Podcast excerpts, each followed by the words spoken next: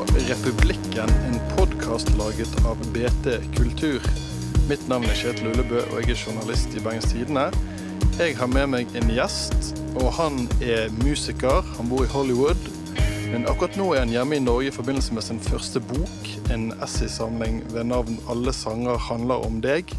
Eller deg. Eh, Jeg snakker selvfølgelig om Sondre Lerche. Hei, Sondre. Hei. Er du i støtet? Jeg er i støtet. Ja, ja, ja. Født i støtet. jeg. Ja, men det er bra. Ja. Um, du kan jo nå eh, kalle deg sjøl for musiker og forfatter. Ja, for slash, liksom. Ja. Altså, Musiker slash forfatter. Hvordan, hvordan er det? Må du legge om eh, livsstilen din? Er det noe spesielt du må begynne med? Uh, nei, det er det. Jeg føler at dette er jo roller som er i stadig utvikling og bevegelse, og at uh, kanskje de sammenfaller uh, mye. Altså det, det, På en måte så er jo det utad så er jo forfatter er liksom Det har én sånn mm. mytologi knyttet til seg, og musiker har en annen, men jeg føler jeg har kanskje aldri helt uh, fylt eller levd opp til musikermytologien heller. Så tror, hvorfor skal jeg begynne med å gjøre det med forfatterrollen, liksom? Så jeg tar det ta- ta det med litt ro. Men, men altså, det, det er jo kjempestas. Det er jo gøy. Jeg syns det er gøy å lage ting. Eh, og jeg har laget mange ting som musiker, men eh, å lage en bok, det, det var veldig gøy.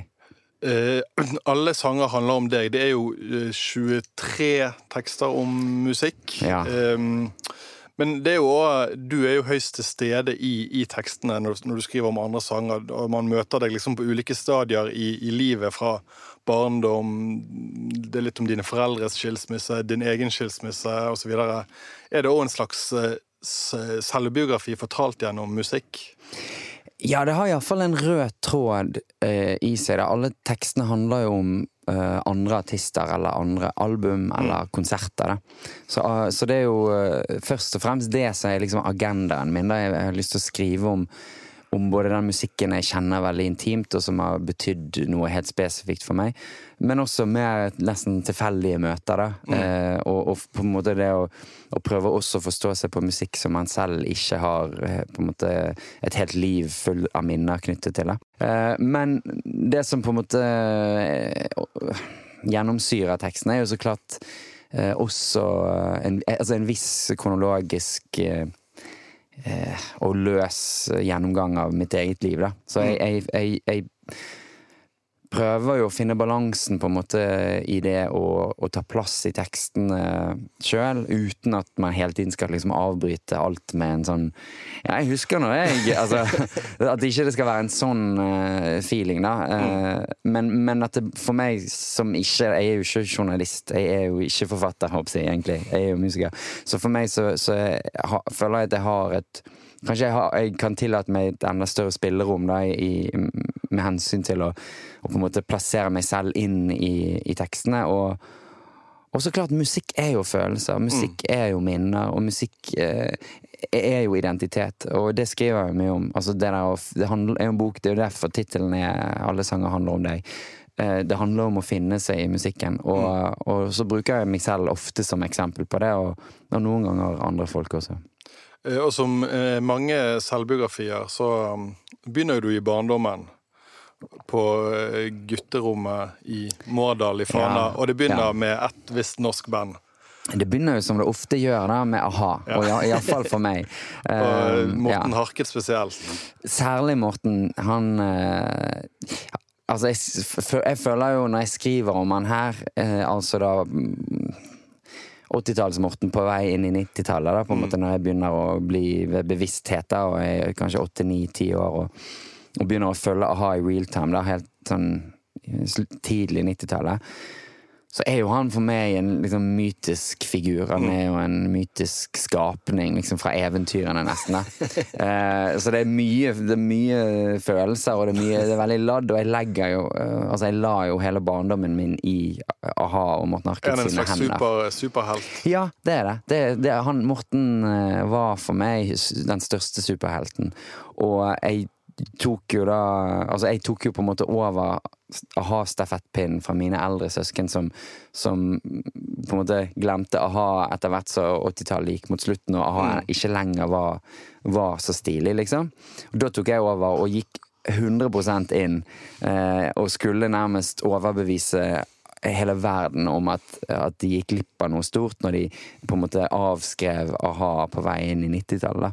Og a-ha gjorde jo selv store forsøk på å på en måte riste av seg 80-tallet og, Mm. og, en del av de tingene den, de hadde blitt knyttet til der. Og jeg, jeg, følte, jeg hadde følt en veldig stor empati for den kampen da, Mm. eh, som a-ha gikk gjennom, og var deres liksom fotsoldat eh, til det parodiske, nesten. Ja, for det, altså På 80-tallet så likte vel hele Norge a-ha, Ja. er mitt inntrykk. da, Når Ja. de toppet Billboard i USA osv. Men sånn på begynnelsen av 90-tallet og litt utover der, så var de kanskje ikke så hete lenger. Og de traff kanskje ikke tidsånden helt. Men du, du sto last og brast ved Morten Harke. da. Ja, da, da sto jeg eh, Da var jeg sterk jo, måte, jo mer eh, ignorant verden viste seg å være overfor a-ha, jo sterkere var jeg i troen, da. Um, og, og så ga de seg. Og, og det var da du eh, havnet i slåsskamp med, Ja. med, med guttene på skolen som digget Gunsen og Metallica. Gunsen og Metallica. Uh, det Det som var grunnen eller, Grunnen var at kanskje jeg så klart, Jeg var jo sikkert jævlig irriterende. Eh, jeg hadde fått, Det var på den tiden Morten Harket lot håret vokse. Mm. sant? Så utover 91 og inn i 92. 92 er jo når han får eh, flettene. Ja, indianerflettene, så da har håret vokst i, i lang tid. Men jeg kom aldri så langt, men jeg fikk liksom akkurat nok til å stramme en liten hestehale baki der. Og, eh, og det, det, var, det var det noen som rett og slett syntes Der gikk dråpen, og da fikk jeg en på trynet. Det var ikke greit du ikke gikk for full indianerflette. Nei, jeg hadde kanskje ikke tålmodigheten til det. Da. Så jeg, det ble liksom hockey en stund, og så, og så, så lot jeg på en måte Morten sin, sitt hår være et, et, en egen greie. da Jeg så at jeg kan ikke følge det. Og så hadde jeg hadde liksom ikke det volumet i håret som Morten har vært eh, benådet med da Mm.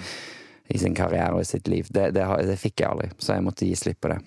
Du beskriver jo i boken eh, når du er på konsert med Morten Harke Eller du, du på et eller annet vis klarer du å komme deg inn på en konsert med Morten Harket i Teatergarasjen, som egentlig er 18-årsgrense. Mm. Ja, Du, er vel noen altfor ung, egentlig. Det var veldig strengt på den tiden, for det endte med det var før man hadde sånne vergeordninger. Ja, ikke sant. Ingen vergeordning, ingen, ingen nåde.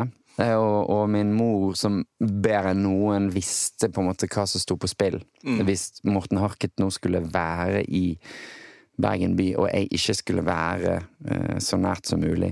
Det, det ville vært en familietragedie, for det, det var så, så sterke følelser. Og nå har jo Morten Harket altså, Det tidspunktet vi snakker om, da har Morten Harket gått solo. ikke sant? Wild Seed. Mm. Og det er eh, den største platen i det året. Altså den største norske platen. A Kind of Christmas Card. Så han er jo tilbake for fullt, og jeg, jeg kjenner jo at jeg er tilbake. Altså Etter skuffelsen over at jeg har liksom bare pislet ut, liksom, eh, rundt han ble eh, banket opp av Gunsen og Metallica-guttene. opp, aha, bare ga opp, og ga seg liksom etter eh, OL på Lillehammer, på en måte. Der bare går alt til helvete. Så har jeg nå fått en ny grunn til å leve, og det er Morten Arket sin, sin soloplate. Og han har plutselig begynt å spille gitar, og jeg har jo spilt gitar og prøvd i hvert fall å spille gitar i noen år. Så plutselig så er vi på nett, liksom, og, og begge har, har, har sikkert hatt lyst lenge å bli låtskrivere, og, og jeg føler at ja, Morten har ikke blitt låtskriver, liksom. Han går rundt og klimprer. Og jeg vil jo, det er jo det jeg har prøvd nå, i dag, allerede i mange år, å, å bli. Eh, Så jeg følte meg veldig i, i synk plutselig igjen med Morten. Og så, og så fikk vi ikke noe gode svar på at jeg kunne gå på den konserten med min mor. Da. Og løsningen ble der samme dagen eh, å gå til politistasjonen som siste liksom, løsning. Kan, altså, dere, politiet må jo kunne gjøre noe. Kan dere kan, Se her, jeg står her, jeg, var akkurat blitt 13. Mm. Og min mor står der, og så liksom Og det, det handlet Det så ut som vi sikkert kom inn og liksom Kom med et eller annet veldig dramatisk, liksom. At det, bilen var kjørt inn i en bank, liksom. Men eh, det var jo bare det at kan dere hjelpe oss? Denne gutten må på Morten Harket-konsert. Og så skrev da politimesteren, eller politi, han som var, var vakthavende sjef, tror jeg det het, Ja. da skrev han et, eh, et notat, håper jeg å si. Jeg husker ikke ordrett, men det var liksom da han er veldig stor beundrer av Harkets arbeid. Synes vi at det er rimelig at Sondre Lerche Vaular får lov til å gå på den konserten med sin mor? Ja. Og, og, og så sa han vi kan ikke love noe, men, men de pleier ofte å høre på politiet. Så det var liksom helt Jeg visste ikke før, før jeg var inne liksom innenfor om, om de ville akseptere det. Og da, da var jeg i himmelen. Jeg husker nesten ingenting av konserten. Jeg husker at han spilte A Kind of Christmas Card to ganger. Og det var helt naturlig. han hadde ikke så mange låter ennå. Og så um, Og a-ha var jo uaktuelt. Altså, han spilte ingen a-ha-låter.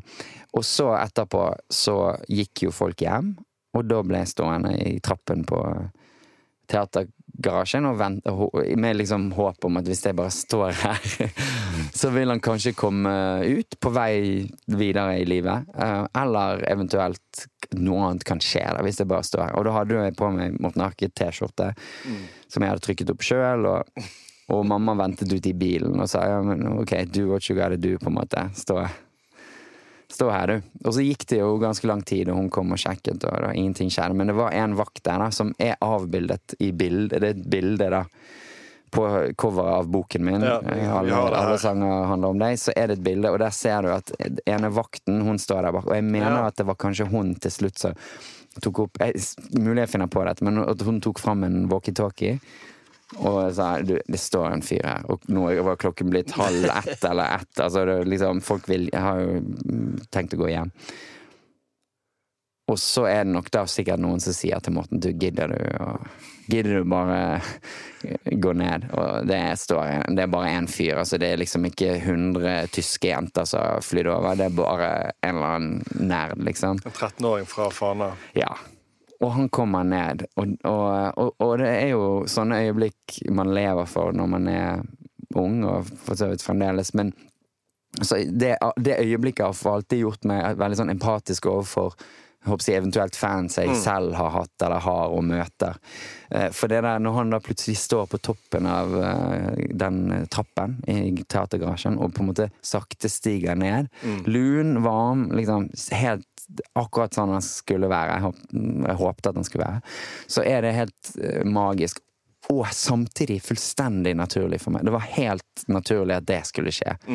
Det var akkurat sånn det skulle gå, og det var både helt magisk og uvirkelig, men også bare Ja. Nå, det, det, livet har handlet om dette, og nå skjer det. Glimrende. Vi er i rute, på en måte. Så det var altså Man sier jo at man skal ikke møte heltene sine, men eh, det var eh, første av flere møter jeg har hatt med eh, godeste Morten Harket. Han er alltid Han er alltid helt super. Eh, litt oppi dette her, du, du var litt inne på det, så har du, du begynt å, begynte du å sysle med musikk sjøl. Når skjønte du at det var noe du, du kunne gjøre sjøl, og at du hadde talent for det? Um, at jeg hadde talent, det skjønte jeg kanskje litt seinere. Men det var noe jeg begynte, jeg begynte å prøve Jeg begynte å, å spille, prøve å spille gitar når jeg var åtte. Mm. Og jeg begynte å prøve å lære det, og jeg greide ikke å lære noter. Jeg greide liksom ikke å lære språket, på en måte. Og jeg ville spille popmusikk. Jeg så på MTV fem timer dagen, liksom. Mm. Så det var liksom rart når jeg plutselig da og, Ja, men du må lære liksom eh, issang. Eh, altså masse sånne enkle illustrasjonslåter for å lære noter. Liksom. Hvor skal jeg lære issang, liksom? Som er bare da, da, da, Altså whatever.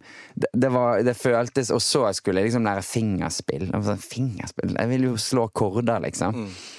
Så det var veldig eh, kaotisk, det. Jeg, Du ville rett på de gode popsangene? ville, ja, ja. Rett til kjernen, liksom. Eh, og så hadde jeg da en eh, gitarlærer som heter Tino Andersen, som var halvt brasiliansk. Er halvt brasiliansk. Broren til Doddo, Ja. Storbroren til Doddo. Og Geir Luedi. Mm. Og han møtte meg etter han, han syntes jo jeg var veldig frustrerende fordi at jeg gjorde aldri leksen min. Jeg øvde aldri, og jeg, og jeg ville slutte, for han var veldig streng. Uh, og mamma, jeg husker mamma var med meg i ene timen, for jeg var så redd for å gå fordi at han var ganske streng, og jeg hadde, ikke, gjort Du hadde ikke gjort leksen? Kom ingen vei. Jeg tror når jeg fikk med diktafon, jeg fikk en liten sånn eh, tape recorder, liksom. Da kunne jeg liksom memorisere sangene bedre og få de til å henge sammen. Og, og når jeg var 14, så skrev jeg da en sang som, som het The Locust Girl, inspirert av en a-ha-sang som het Locust, som gjorde veldig inntrykk. Og da eh, den, Det var liksom den første ordentlige låten jeg skrev, da. Det var eh, faktisk Jeg søkte litt i BT-arkivet her, Ja. Som er jo gøy å gjøre. ja. Og den første omtalen av deg eh, i arkivet er faktisk når du er 14. ja. Og det er en omtale av en, en sånn slags akustisk kveld på opera. Ja, Kaffe Opera. Og der skriver Det er jo altså Engel som skriver dette. på saken. Engel Engelstad skriver eh, og så her siterer han deg i begynnelsen. da. Jeg heter altså Sondre. Dette er bandet mitt, sier Sondre Lerche Vaular. Han er liten og spinkel, og han ser strengt tatt ut som om han burde vært i seng på denne tiden av døgnet. Så er han bare 14 år gammel og hører med til de yngste som noen gang har stått uplugget på Kaffe Operas tirsdagskvelder. Mm. Så du hoppet du, sto tidlig på scenen. Ja, ja. Jeg, det, jeg ville vel Jeg var veldig redd for det. Uh, men jeg ville det veldig sterkt. Og da hadde jeg akkurat begynt å synge, nettopp fordi at eh, jeg, jeg, satt jo bare og spilte akkorder, og min mor sa ja, men kanskje du må synge litt, liksom. Synge melodien, så vi kan høre det. Det høres jo bare ut som litt kjedelige akkorder, liksom. Så begynte jeg å synge, og så hadde jeg da min eldste søster Lotte, hun jobbet på Kafé Opera. Ja. Og hun sa ja, men du jeg, jeg tror hun sa jeg jobber på tirsdag. Det var da det var naked, liksom. Eh, Åpen mic. Så kan, du, kan komme, du kan få komme og spille noen låter der. Og det var jo altså det var jo så, Hei, jeg hadde lyst til å spille i Royal Albert Hall. Liksom. For meg var det kjempestort. Og det ble jo til at jeg gjorde det titt og ofte, da. Eh, Det, det, det er jo sånn med sånne open mic-kvelder på litt sånn Jeg håper å si eh, Ja, på steder som har et visst vis crew som henger der Mm. at det er ofte de samme som går igjen, da. Og jeg da ble, ble en av de som alltid skulle opp der og dra. Og da spilte jeg jo kanskje noen egne låter, men kanskje hoved, en merkelig blanding av eh, David Bowie og Morten Harket var det veldig ofte. Ja. Mm. Ja, for det, når du liksom for alvor begynte å slå gjennom det- Din debutplate kom vel i 2001, Mm. Faces Down. Så det er ikke til å komme vekk fra at du gjerne blir oppfattet som og omtalt som en litt veslevoksen fyr. Ja, ja, og det, og det stemmer jo. Jeg syns jo det var veldig eh, sånn nedverdigende å bli kalt det, men jeg, så klart, jeg ser jo tilbake. Når jeg ser tilbake, så tenker jeg bare wow. For en fyr. Men, men det, det var veldig ektefølt. Altså, jeg, jeg For det første så tok jo jeg musikken veldig alvorlig, og jeg, jeg var, følte at det der det der hele, hele tiden det der snakket om at ja, han er så ung, og du er så flink til å være så ung, det var så, så nedverdigende på en eller annen måte. Um, Uh, nå skjønner jeg jo mer at, at hei, ja, men så det blir jo bare en av tingene man bruker på å beskrive liksom Beskrive noen. Det er, har jo noe å si om du er 20 eller 14 eller 40, på en måte. Ja. for, altså hvordan man opplever musikken. Det er en, del av, det er en av komponentene som gjør, påvirker hvordan man opplever et musikalsk uttrykk. Så jeg skjønner jo det veldig godt nå, men der og da så var jeg så redd for å ikke bli tatt på alvor, at folk skulle tro at det var bare en eller annen oppfinnelse til noen andre. Og jeg var jo min egen oppfinnelse. Det var jo det, jeg hadde jo skapt meg sjøl. Det var ingen som hadde funnet meg opp, det hadde jeg gjort sjøl. Og det var jeg veldig opptatt av å liksom skulle bli tatt uh, på alvor, da. Og det gjorde, resulterte jo i en del helt eh, sånn komisk eh, pretensiøse eh, og, og, og du skal liksom vise alt du kan og, pynte det med alle disse referansene da, som, som fortrinnsvis var veldig sånn voksne. Det, det ga meg en trygghet og det ga meg et anker, så jeg skjønner jo veldig godt. Det, det, det gir veldig mening, men, men ja, jeg var aldri, så, var aldri så gammel som da jeg var 18, altså. Eh, men Din, din, din eh, kjæreste Linnea Myreskal har omtalt deg som en pensjonist i sjelen. Er, du- er du fortsatt eh, Kanskje veslevoksen blir feil ord å bruke om en mann i slutten av 30-årene, Ja, men, men har du et element av det i deg fortsatt? Ja, altså, jeg liker veldig mange mange ting. Eh, jeg tror det hun pekte på der, det var at jeg, liker veldig godt å gå på kino på dags dagstid Mm. og spise troika. Ja. Eh, og, eh, så jeg liker å sitte gjerne alene i kinosalen og, og se film. Og, eh, og, men altså ikke nødvendigvis gammel film. Liker, på kino så kan jeg nesten se hva som helst. Jeg syns det er så gøy å gå på kino.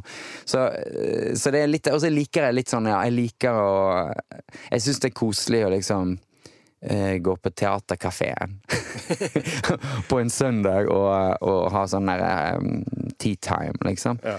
Jeg liker en del sånne ting. Men, men eh, eh, det, altså når jeg var 18, så, så drev jeg egentlig ikke med det. Da likte jeg spiste jeg bare Skittles og liksom eh, mikrobølgepasta Nei, sånn mikrobølgelasagne.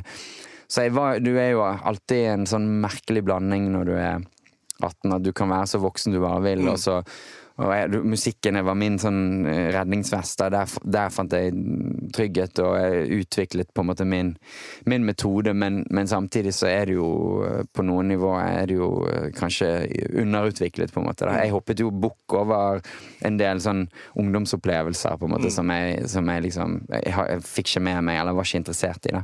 Så det, du er jo en sånn merkelig blanding av ja, ja, vestvoksen, men også kanskje egentlig veldig mm. Du hadde en gang, eh, eller kanskje du hadde fortsatt, men du hadde en gjestebok på hjemmesiden din. Ja. Der det var mye aktivitet. Oi, ja.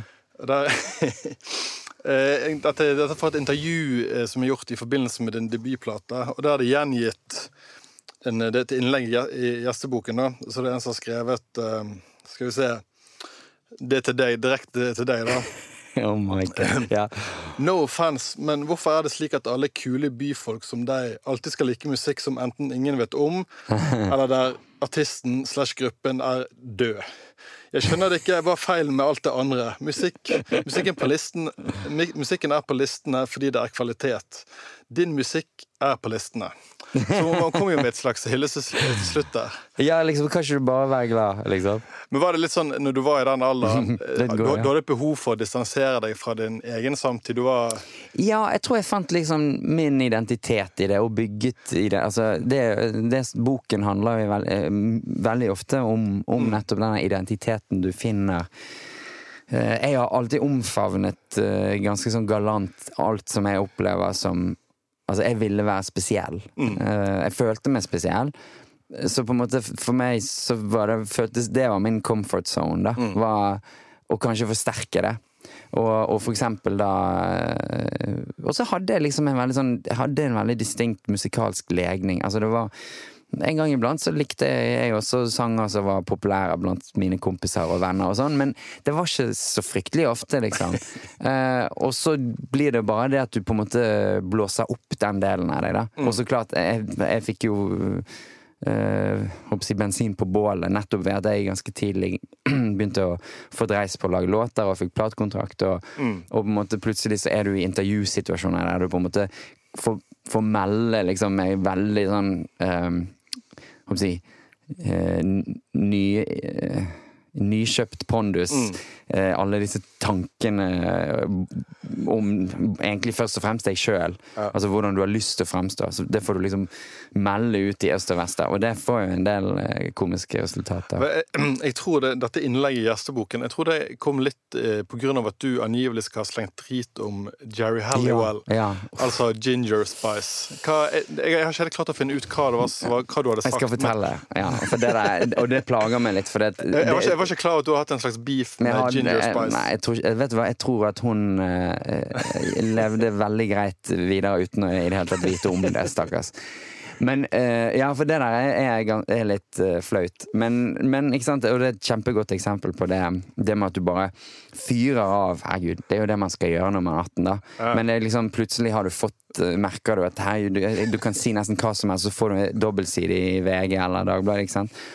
Og jeg hadde det hadde blitt annonsert uh, at jeg skulle spille på Hit Awards. Som hva, var, hva var det for noe? Det var Altså motsvaret til VG-lista topp 40 eller 20, det var Dagbladet sin plateliste, eller radioliste. var det Mest spilte sangene på radio. Mm. Topp 40. Hit 40. De hadde da Hit Awards noen år, der de, de ga ut priser. Til de mest, egentlig til de mest spilte artistene. da. Og jeg hadde akkurat det var den uken jeg slapp Faces Down, og det passet jo perfekt da, at da skulle jeg spille det. Og for meg var det jo veldig viktig at det der, ja, nå skal jeg inn i et popshow, mm. og på en måte du føler jo deg litt sånn superior, på en måte. Det gjorde, gjorde jeg nok, på en måte. Altså, her er det jo bare drit. Ikke sant? Så jeg skal være, jeg skal være 100 på, altså jeg skal være så mye meg sjøl at du skal nesten være Du blir noe helt annet. da Men jeg, jeg skulle For alt var, det meste var playback der. Mm. Så jeg skulle spille låten min av No One's Gonna Come alene på scenen i Oslo Spektrum på direktesendt TV. Og det syns jeg Det var jo helt naturlig for meg. Og så Men det handler jo da nettopp om at, at skal Du må liksom Jeg må vise så tydelig at jeg er det motsatte av hva som helst. Og ytterpunktet, eller den største internasjonale artisten som skulle spille her, da, eh, var Jerry Halliwell fra Spice Girls, som akkurat har holdt på å lansere sin solodebut, ja. tror jeg, da, etter hun hadde gått ut av Spice Girls. Og jeg hører jo med til historien at jeg var veldig begeistret for Spice Girls i, i, altså på den tiden. Men jeg syns at det hun drev med solo Hun har akkurat sluppet en, en video. Mm. Eh, jeg lurer på Var det liksom Gjorde hun en cover av It's Raining Men? Eller et eller annet sånt. En video som var veldig veldig sånn kropps- og sexfiksert. Mm. Og altså mitt sånn 18 år gamle puritanske, litt sånn tilkneppede jeg syns var, var litt Altså, var, litt, var drøyt, og det er Og brukte det Jeg, gikk, jeg husker jeg sa på, på, et eller annet Jeg tror det var på TV 2-nyhetene eller noe sånt at at, uh, at, jeg skulle Altså, det var liksom fysisk kvalm av den sangen og den videoen.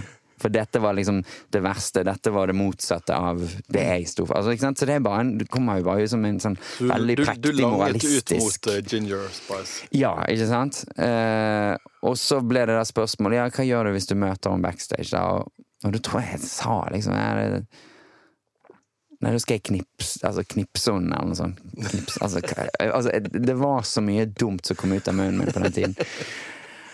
Og jeg håper å si, det, det, ble jo noen oppslag, men altså Jerry Hallowell couldn't care liksom less. Uh, men det som også skjer, da Den uken platen min kom ut, den kom ut av 10. september. 11. Mm. september 2001 ja, så er det plutselig viktigere ting enn hva jeg syns om Jerry Hallowell sin nye mm. singel, liksom.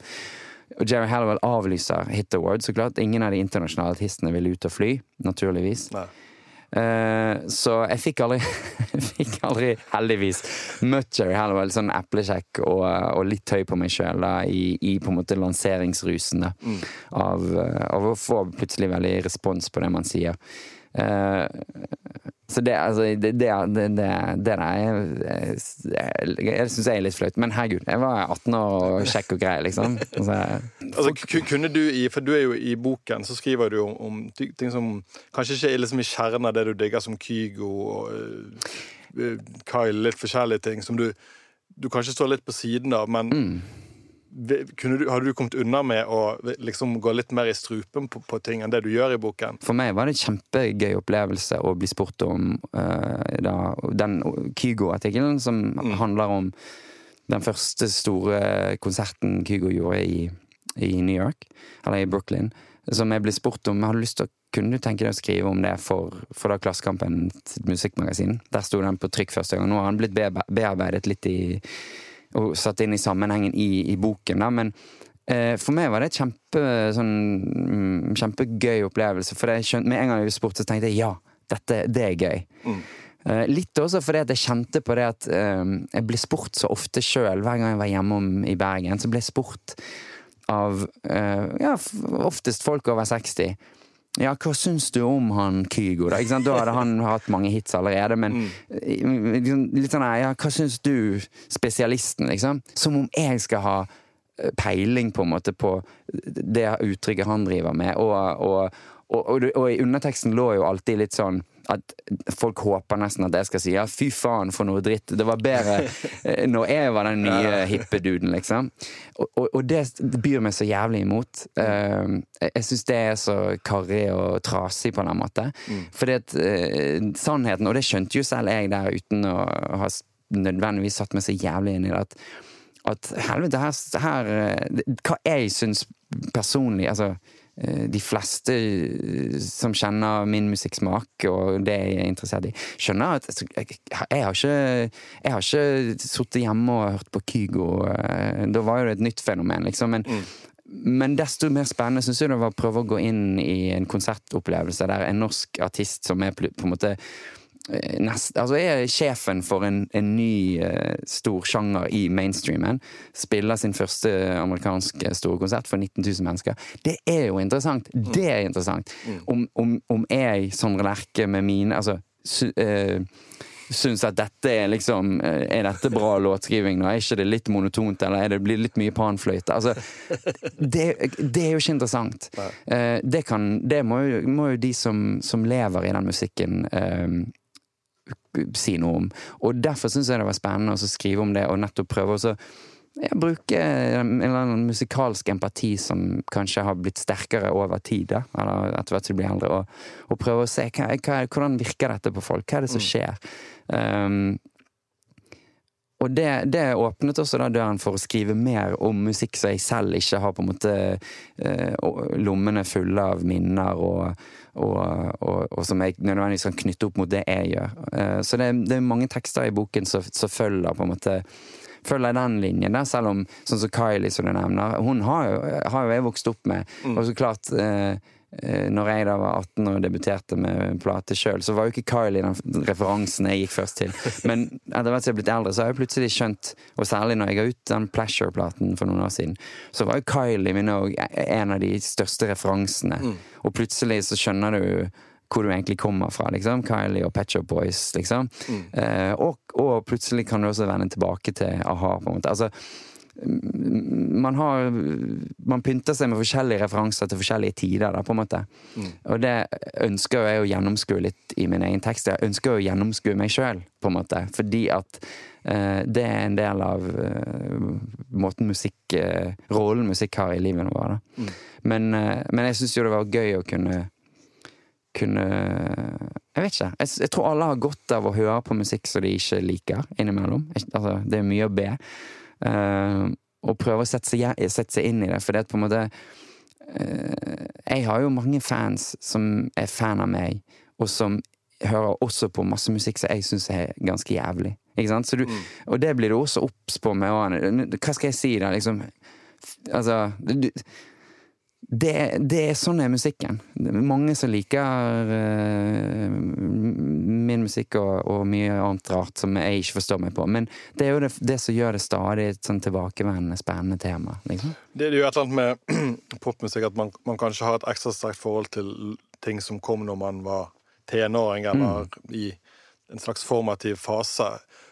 Får du fortsatt det kicket, Kan du fortsatt få det kicket av låter som du fikk når du var i den alderen? Ja, ja absolutt. Mm. Og det, er, det, det, føler jeg at eh, ville vært en stor tragedie for meg hvis det ikke fikk. Mm. Eller når eventuelt det inntreffer. Og jeg føler jo et stort ansvar som kunstner sjøl for å og, og, og, og, på en måte søke det kicket. Den beruselsen. Den beruselsen jeg følte når jeg var fire og hørte Take On Me spille ned i gangen, liksom, når jeg så, sovnet det Der begynner min musikalske besettelse, og det er fordi at jeg, tenker, jeg vil ha mer av den beruselsen. Mm. Og det fortsetter. Jeg, jeg er ikke forsynt, på en måte. Nei.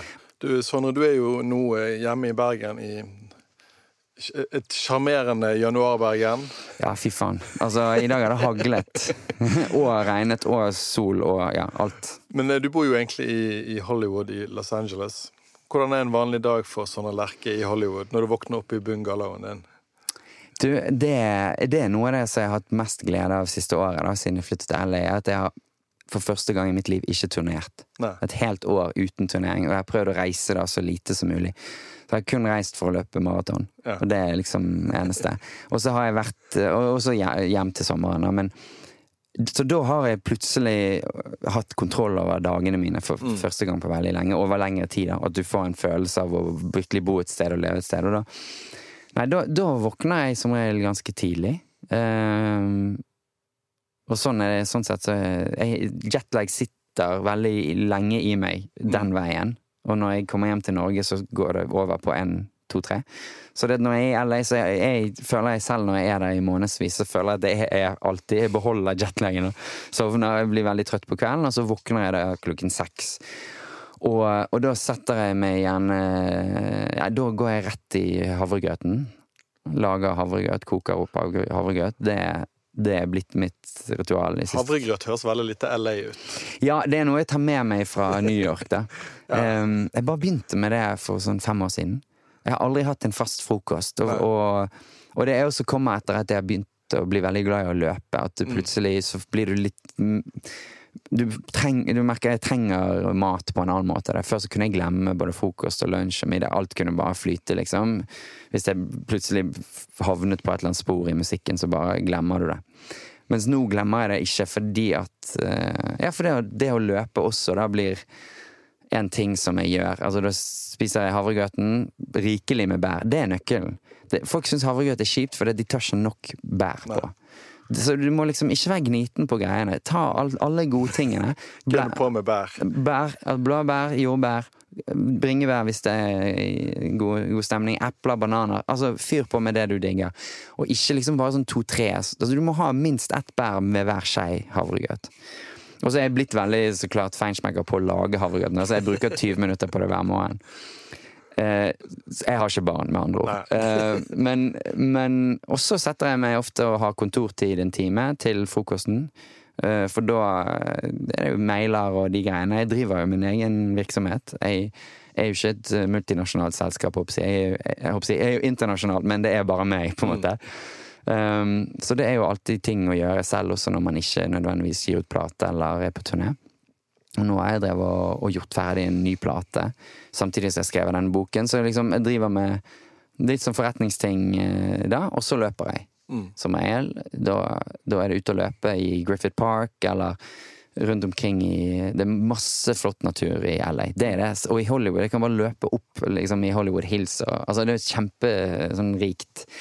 Selv om jeg bor midt i liksom beste, verste crazy town, liksom. Jeg bor i en bitte liten bungalow som er som en liten hytte da, fra 1924, ja. under et appelsintre. Så det er liksom bortgjemt. Uh, og så, når jeg kommer tilbake fra løpeturen, så er det lunsj, og, så, og da begynner Etter lunsjen så begynner liksom den kreative ja. dagen, som regel. da. Og da, og da, flyter jo jeg rundt i, i mitt eget hode i, i bungalowen og Enten jeg skriver bok, da, eller jobber med Jeg har jobbet med noe filmmusikk og litt sånne ting som har deadliner, da, på en måte, eller der du på en måte i større grad gjør en jobb for noen andre og skal mm. levere noe. Da, det kan være litt oppfriskende å ha når du, når du selv er på en måte oppdragsgiver og, mm. og, eh, og, og, artist eh, i de fleste tingene jeg lager sjøl. Mm. Det er lite hagl i LA? Det er lite hagl, men vet du hva? Den Første høsten jeg hadde der, da, i forfjor, da var jeg overrasket over hvor mye det regnet. Ja. Det, var, det, var, kaldt. Det er ganske tynne vegger i de her bungalowene. Så det, når det er varmt, er det varmt, men når det er kaldt, så blir det faktisk ganske kaldt. Og det er jo eh, Altså, Hollywood er, er, et ganske grisete område. Så det det er mange det er mange bygninger som står tomme, det er mye nye bygninger som kommer til, og det er mye hjemløse. og det, Du ser på en måte det er alt det, mest glossy og glamorøse og alt det tristeste side om side. Altså, så det, det var en stor overgang, men også da at det regner plutselig og blir ganske kaldt. Om ikke det blir minusgrader, så er du plutselig netter der du er liksom fire grader, og, mm. og, da tenker du på alle de tusenvis av folkene som, som bor i telt uh, ute på gaten, liksom. Uh, det, det, er ganske brutalt og trist uh, side av, av, Hollywood, og, eller LA, da. De har, det er jo et veldig stort problem, da. Mm. Så, så, det har vært en, sånn sett en brå overgang, men, men jeg føler meg veldig heldig som kan ja, så kan Det er beskrevet som et stort dilemma i boken. Skal jeg bare flytte til LA? Og eh, det var jo en anmeldelse av, som var veldig, veldig god av han Audun Winger, som skriver liksom at det er det er kanskje et av få øyeblikk med dissonans og negativitet i boken. er når jeg står på konsert og ikke føler det fordi at jeg bare er ferdig med New York. Det ultimate ilandsproblemet. Ja, og vel så det. Så, så det er, det er litt, litt, av hvert sånn. Men det er sånn Sånn, sånn bor jeg. du, har jo, eh, du har jo opplevd veldig Du har jo oppnådd veldig mye i din eh, karriere. Men her hjemme i Bergen så er jo du i en veldig eksklusiv klubb. Eh, sammen med blant andre Edvard Grieg, Harald Severud og Knutsen Ludvigsen. Og ikke minst Ove Tue. Vet du hvilken klubb jeg snakker om? Mm, ja, altså i, Nei, altså, har noe med faen å gjøre? Nei. Dere har noe felles? Uh, Ove Tue. Han var, et, Han var wildcard. Ja, det var wildcarden der. De andre her er vel eh, Nei, Knutsen Ludvigsen er jo ikke fra Bergen, men Nei Grieg og nei. Sæverud er jo fra oh, ja, ja, Jo, eh, Bybanen. Ja. Ja, ja, ja, ja, ja. Dere alle, alle har eh, musikk på Bybanen. ja. Skjoldskifte. Skjoldskifte er det, Ja, der er det litt fra den eh, You know so well. ja, Mm. jernteppet. Jeg tok Bybanen i går, jeg. Ja. Eller jeg tok Hørte den i dag òg, faktisk. hørte du deg ja, jeg hørte den i går. Jeg tok Ja. den fra flyplassen. Eh, Så stoppet etter er det vel Kanskje kommer kongen med Mm, Ludvigsen. på, på neste Nesttun eller noe sånt. Ja, på en, det som heter Nessun sentrum. Ja, nesten sentrum. Så selvfølgelig Grieg på Hop og så, ja. Det er jo Ja, altså, det er jo Jeg syns jo det er veldig stas. Det, altså, det var veldig stas. Uh, og det er spilt av barn i uh, kommunale ja, musikkskolen. kulturskole. ja. Kulturskolen. Ja. Og som er jo også helt nydelig. Ja. Um, og jeg er jo da Bodde jo i veldig sånn de, Noen av de årene vi har snakket om her. Fra 89 til 94 så bodde jeg i Mårdalen. Ja. Altså, det, nest, det er vel nesten det stoppet. Ja. I, i, i Mårdalen 5, i en blokk eh, i, en litt sånn Litt sånn Litt sånn grå eh, østblokkaktig blokk, men med kabel-TV. Så der var det fikk MTV endelig inn i, i systemet. da. Men uh, det er veldig stas å være, være, en, være på Bybanen. Det syns jeg er dritfett. Jeg skjønner jo at uh, dette haglet ikke uh, lokker seg veldig, men nå, skal nå har Kygo kjøpt seg et svært hus med Nordåsvannet. Det, Ja. det frister ikke litt å flytte hjem? Hva blir nab- naboen til Kygo. Du, hvis, altså, hvis, hvis, jeg hadde, hvis jeg hadde den slags eh, penger, så, så, så kunne jo kanskje han kjenner vel kanskje litt mer på musikken sin? enn. Ja, det Uten tror at jeg skal snoke i det. Han har ikke måttet gi ut bok ennå. Det er nå du kommer. Ja, det spørs om dette blir noe kioskvelter. Det er ganske nisjebok. Men, og, og det er noe jeg lurer på sjøl, for jeg, så, altså, jeg er ikke noe sånn stor lesehest sjøl, så jeg leser ikke så mye bøker. Så jeg lurer jo sjøl på altså, akkurat hvor smalt er dette prosjektet, eller eventuelt er det bredere enn jeg tror, da, å gi ut en essaysamling med, med personlige musikalske essay om, om uh, Lana Del Rey og Kygo, liksom. Men, men nei, altså eh, Det hadde vært kjempehyggelig å ha en villa, eh, villa i Bergen også, altså. Eh, Men, men det, det, det Jeg er her såpass ofte, og når jeg er, her, så bor jeg bor jeg hos Du, min du rekker ikke å få sånn skikkelig hjemlengsel. Jeg jeg har så langt aldri gjort det. Altså. Jeg er støtt og stadig. Siste nye platen så, som skal komme i år, er hovedsakelig spilt inn i Bergen. Ja. eh, hos Cato Odland og Mathias Teles. Mm. Um, så jeg har veldig mange sånne Du har et anker. Jeg har et anker her. Jeg har de relasjonene som drar meg tilbake. Et bilde. Ja, ja, jo, men det er, det er sant. Og jeg kommer jo til Bergen, tilbake til Bergen hele tiden for en grunn. Og det er fordi det, det, er, er så gode krefter, og det er folk jeg, jeg liker veldig godt å jobbe med, som, som jeg føler virkelig eh, Man slipper mye sånn eh, å forklare mye. Man har utviklet et språk sant, sammen over, over tid. Uh, og samtidig så, så du, hver gang du kommer tilbake, så har, for, har folk oppdaget noe nytt. Altså det, er ikke, det stagnerer ikke i Bergen, og det er jo det som gjør at man, det, man snakker jo ikke lenger om bergensbølgen, for det, det, er bare, det, det er en flow, liksom. Det, det, det, det er lenge siden man snakket om én ting. Det er, ba, det er bare det, Folk er våkne og sultne og, og sånn. Og, og det, gjør, det, det gjør at jeg syns det er stas å komme tilbake og jobbe her og Det har vært kjekt å ha deg på besøk, Sondre. Eh, Vi pleier å be eh, gjestene våre om å gi lytterne et, et kulturtips. Ja. Hva har du med til eh, Republikkens lyttere? Ja, altså det skal jo helst være noe som folk i Bergen kan ha glede av, da. Ja, altså det, ja, det er gjerne det. Ja, altså eh, Nå sa jeg nettopp at det er ikke noe lesehest. Eh, hvorfor sier man lesehest? Herregud. Jeg skjønner eh, overfor barn når man driver med, prøver å få folk til å bli glad i å lese, så bruker man sånn, men det er veldig rart å si det. Jeg dropper lesehest, jeg, men jeg, jeg, jeg skulle ønske jeg leste mer. Og nå eh, har jeg nettopp begynt å lese eh, den siste boken til han eh, Pedro fra Sista Sonny. For meg Ja. vil han alltid være Pedro fra Sista Sonny. Pedro Carmona Alvarez. Alvarez, ja. Eh, som heter Refrenger. Ja. Eh, og som også er vel en, egentlig en slags essaysamling, og Ja. som også handler jo litt om musikk og identitet. Eh, selv om det, det foreløpig så, så føles jo det også som et like, like forskjellig prosjekt som det er likt på, Mm. på min bok. Men jeg, jeg, ble, jeg er alltid nysgjerrig på hva han driver med. Han er, sk- han er jo poet, han er musiker, han er en kjempefyr. Har ikke han en gang eh, kalt deg for eh, Bergens eldste lille gutt, eller noe sånt? Jo, jeg har sitert han på det. Jeg håper det er sant. Apropos det vi snakket om i sted. Jeg, jeg, han kalte meg det i, i begynnelsen der. Uh, og jeg tok det som en hedersbetegnelse inntil jeg begynte å bli litt eldre, og det var kanskje litt sånn Hæ?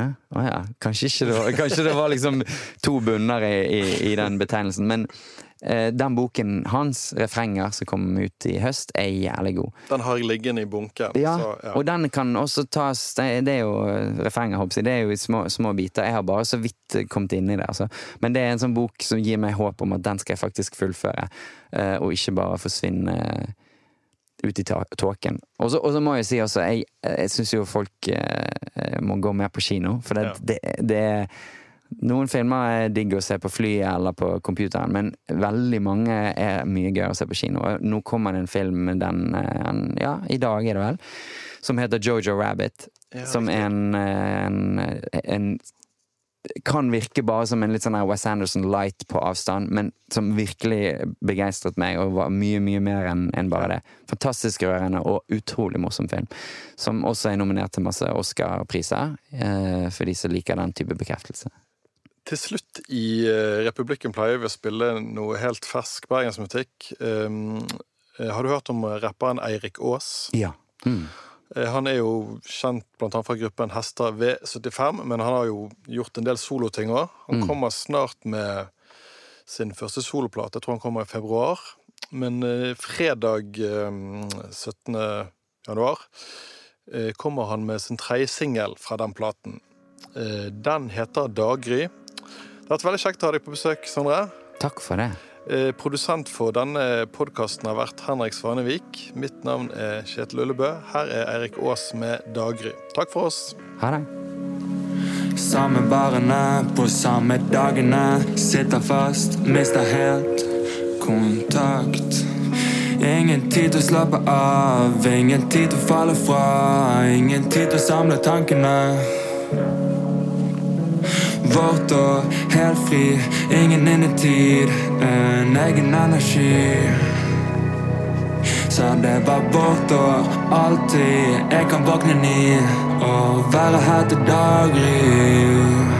Jeg kan være her til daggry.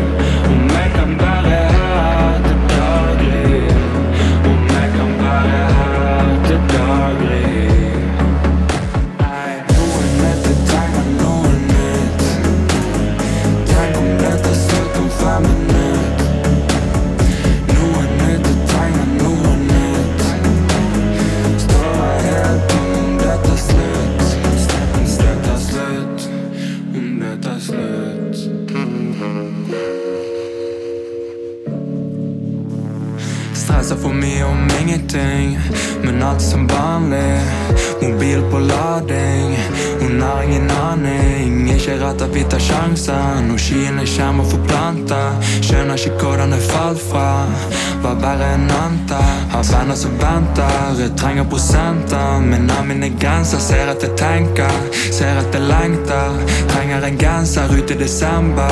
Rakk ikke bussen fra byen. Taxi for dyrt, jeg forbi, håper deg går fint.